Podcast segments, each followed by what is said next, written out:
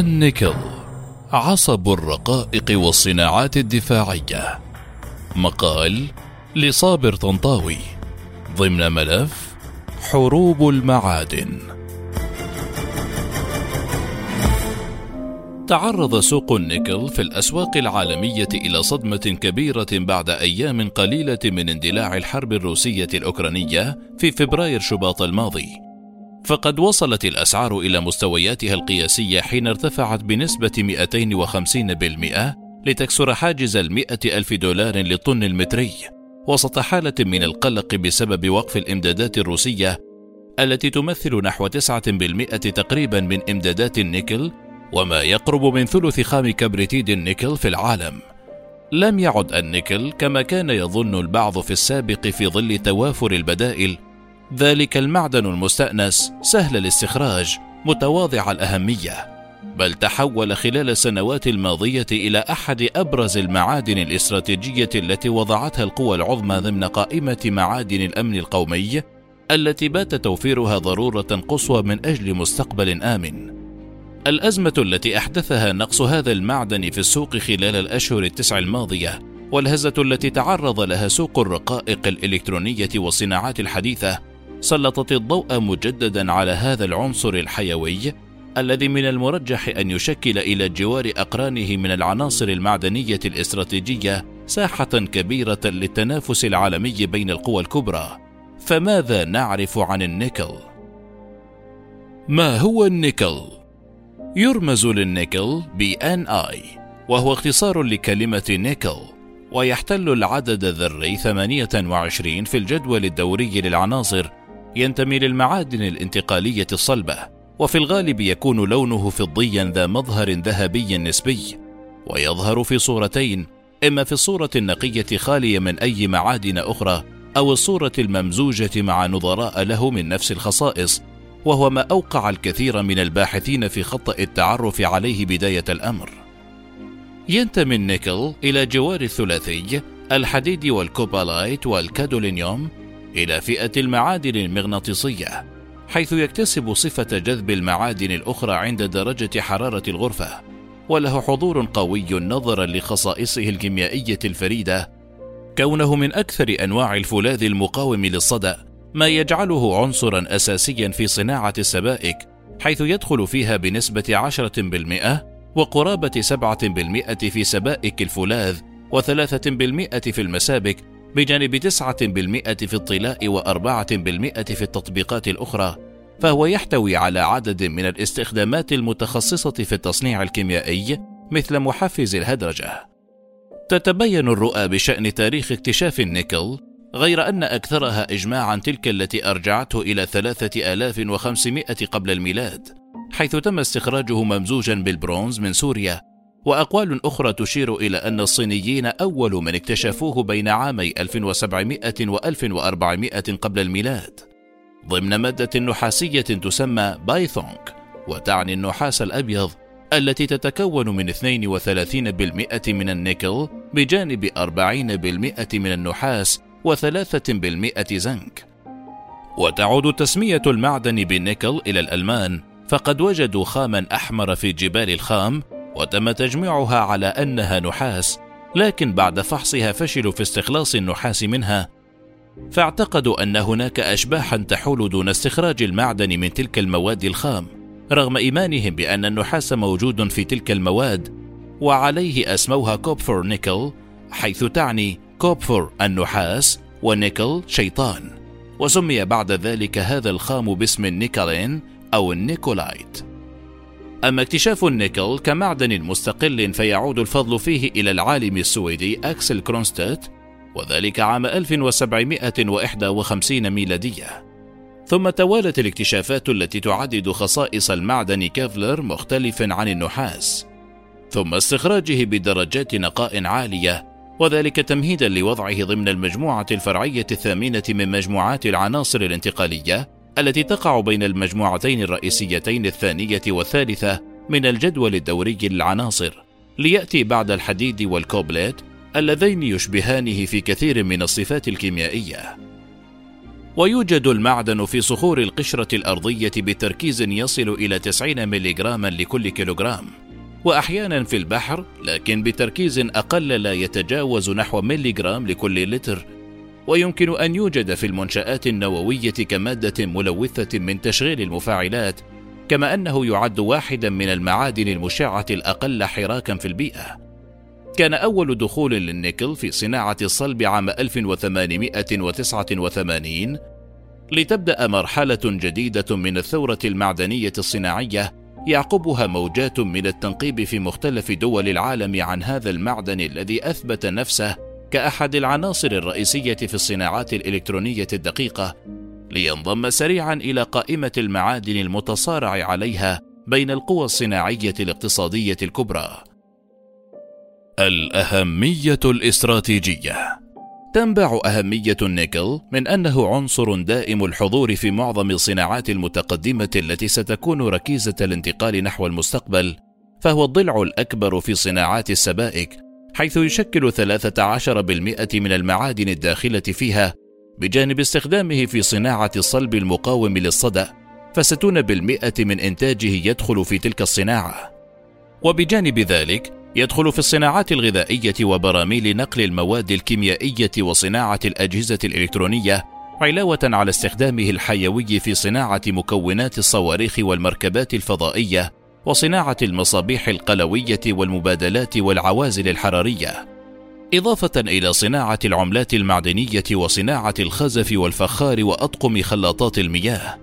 ويستمد المعدن الاستراتيجي موقعه الاستراتيجي كونه أحد مكونات الأقطاب الكهربائية خاصة القطب السالب الكاثود مثل النيكل ثاني أكسيد المنغنيز وهو ما يجعله أحد مرتكزات صناعة البطاريات الكهربائية وضلعا أساسيا في صناعة سيارات المستقبل الكهربائية بجانب استخدامه في بعض السلاسل وفي المجوهرات مع الذهب للحصول على قوة أفضل وألوان أصلية. خريطة الإنتاج. وجاءت المعركة الأخيرة في الحرب التجارية بين الولايات المتحدة والصين المعروفة باسم معركة الرقائق قبل عامين. لتؤكد أهمية النيكل بصفته لاعبا محوريا في ميدان الرقائق الإلكترونية التي يتوقع بعض الباحثين أن تكون ساحة النزاع الكبرى بين القوى العظمى خلال السنوات المقبلة. خريطة الإنتاج. تتصدر إندونيسيا قائمة الدول الأكثر إنتاجا للنيكل في العالم بواقع 500 ألف طن سنويا وباحتياطي قدره 21 مليون طن. بما نسبته 22% من احتياطي المعدن وتمتلك 13 مصهرا لإنتاج النيكل كما يوجد 22 منجما قيد التطوير ويتركز هذا العنصر الحيوي في جزيرة سولاويزي وكذلك في مقاطعة مالوكو الشمالية ويعتبر أحد أبرز الموارد الاقتصادية التي تعتمد عليها الحكومة الإندونيسية في تيسير أمورها المالية. حول هذا المعدن النفيس تلك الدولة المؤلفة من عدة جزر صغيرة في المحيطين الهادي والهندي إلى قبلة عشرات الشركات العالمية ومتعددة الجنسيات على رأسها شركات تصنيع السيارات الكهربائية والرقائق الإلكترونية التي أدارت دفتها صوب تلك البقعة الغنية معدنيا. وثانيا تحل الفلبين بإنتاج وصل في. بإنتاج وصل في 2016 إلى قرابة 347 ألف طن. كما أنها تمتلك حجم احتياطي عالمي وصل إلى أربعة ملايين طن فاصل ثمانية. لكن إنتاجها تراجع العام الماضي ليصل إلى 230 ألف طن فقط وذلك بسبب إغلاق وزارة البيئة والموارد الطبيعية 23 منجما. وفي المركز الثالث تأتي أستراليا بمعدل إنتاج يصل إلى 170 ألف طن واحتياطي يبلغ 20 مليون طن بما يمثل 21% من الإجمالي العالمي. ويتركز المعدن في ولاية غرب أستراليا ويأتي معظم الإنتاج من المناجم في ماونت كيث ولينستر الواقعين شمال كالاغورلي كما تنضم البرازيل إلى قائمة الكبار في إنتاج النيكل بإنتاج يصل إلى 37 ألف طن. وباحتياطي يصل إلى 16 مليون طن ورغم تراجع الإنتاج في البلاد خلال السنوات الخمسة الأخيرة تذهب المؤشرات باتجاه استعادة المجال لعافيته مرة أخرى لا سيما بعد دخول شركة التعدين البرازيلية فالي وهي واحدة من كبرى الشركات المنتجة للنيكل في العالم في مشروعات عديدة لاستخراج المعدن. وكانت روسيا ثالث أكبر دولة منتجة للنيكل في العالم عام 2020 بعد إندونيسيا والفلبين بمعدل إنتاج وصل إلى 280 ألف طن. حتى باتت الوجهة الأولى لأوروبا لاحتياطات هذا المعدن الاستراتيجي بإجمالي تصدير بلغ 7% من الإجمالي العالمي أي نحو 6 ملايين طن فاصلة تسعة. لكن تراجع الإنتاج مؤخرا بسبب الظروف السياسية والاقتصادية التي تمر بها البلاد لا سيما التطورات الأخيرة بشأن الحرب والعقوبات المفروضة عليها من الغرب. وتزاحم كندا الدول ذات الإنتاجية العليا في قائمة الكبار إذ يبلغ إنتاجها 210 آلاف طن متري. لتعد واحدة من أكثر الدول خارج آسيا إنتاجا للنيكل في العالم.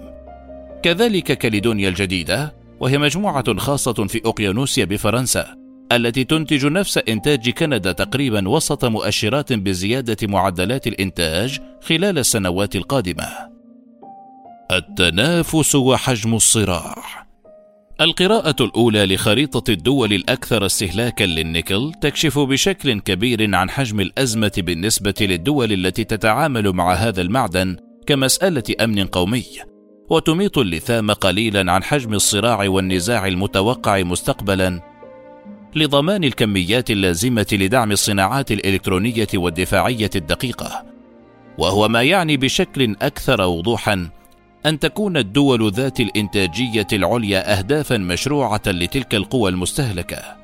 وتتصدر الصين كأكبر مستهلك للنيكل في العالم، إذ تستأثر وحدها بخمسين فاصل أربعة بالمئة من الإنتاج العالمي للمعدن الذي تستخدمه بشكل أساسي في إنتاج الفولاذ المقاوم للصدأ إلى جانب الكروم نحو 85% من حجم الاستهلاك علاوة على استخدامه في الطلاء لتوفير طبقة قوية ومقاومة للماء ومقاومة للتآكل أيضا أو لإنقاذ الأجزاء البالية من الآلات بجانب الاستخدام التقليدي الشهير في صنع السبائك والبطاريات. وتحل الولايات المتحدة في المرتبة الثانية في قائمة الدول الأكثر استهلاكا للنيكل مع الفارق الكبير في حجم الاستهلاك بينها وبين الصين.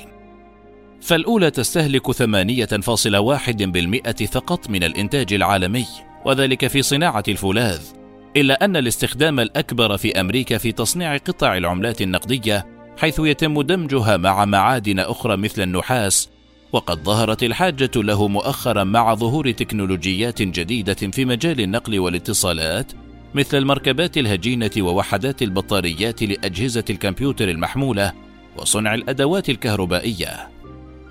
وجاءت اليابان كثالث أكبر مستهلك للنيكل في العالم حيث تستخدم 7.5% من إجمالي الإنتاج في عمليات التصنيع المختلفة مثل بطاريات نيكل هيدريد وفي تصنيع الحديد والفولاذ المقاوم للصدأ وهي الاستخدامات الصينية ذاتها مع الوضع في الاعتبار أن الصين واليابان كلتاهما تستورد من نفس الدول المنتجة للنيكل وهو ما قد يحمل دلالات قوية بشأن التنافس بينهما مستقبلا لتأمين الكميات المطلوبة من هذا المعدن.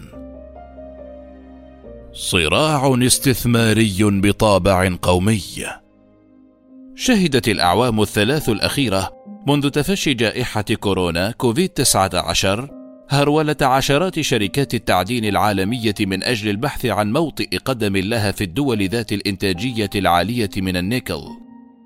في محاولة للحصول على حصة من كعكة الاحتياطي العالمي بما يضمن العبور نحو المستقبل بأدواته الكاملة. ففي مايو أيار الماضي أعلن العملاق التعديني الصيني شركة سي ان جي ار ادفانس ماتريال سي ان جي ار عن حزمة استثمارات لها في ثلاث مشروعات جديدة في إندونيسيا لإنتاج النيكل غير اللامع وذلك بهدف زيادة الإنتاج بمقدار 120 ألف طن سنويا. لتلبية الطلب المتزايد على بطاريات السيارات الكهربائية الذي يمثل المعدن عنصرا رئيسيا في صناعته. الشركة الصينية ضخت استثمارات أخرى في مشروعين آخرين مع شركة Rigqueza International الخاصة المحدودة العام الماضي لاستخراج النيكل غير اللامع في جزيرة سولاويزي الإندونيسية بسعة إجمالية سنوية تبلغ 60 ألف طن. بخلاف الاتفاق الذي توصلت إليه مع مجموعة تسينغشان هوليدينغ العملاقة للنيكل التي ستزودها بأربعين ألف طن من المنتج.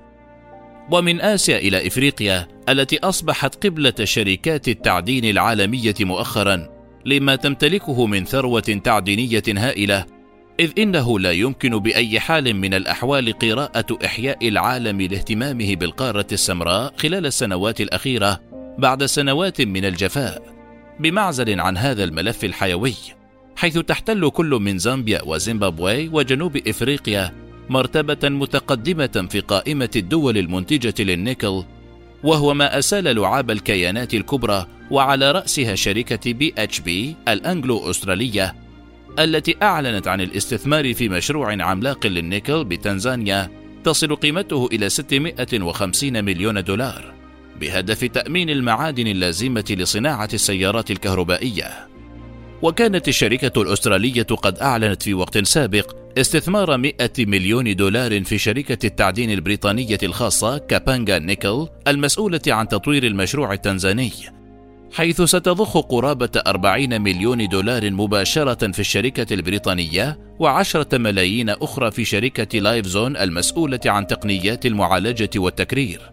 بجانب ضخ مبلغ إضافي قدره 50 مليون دولار وبذلك ستصبح حصتها 17.8% في العملاق البريطاني.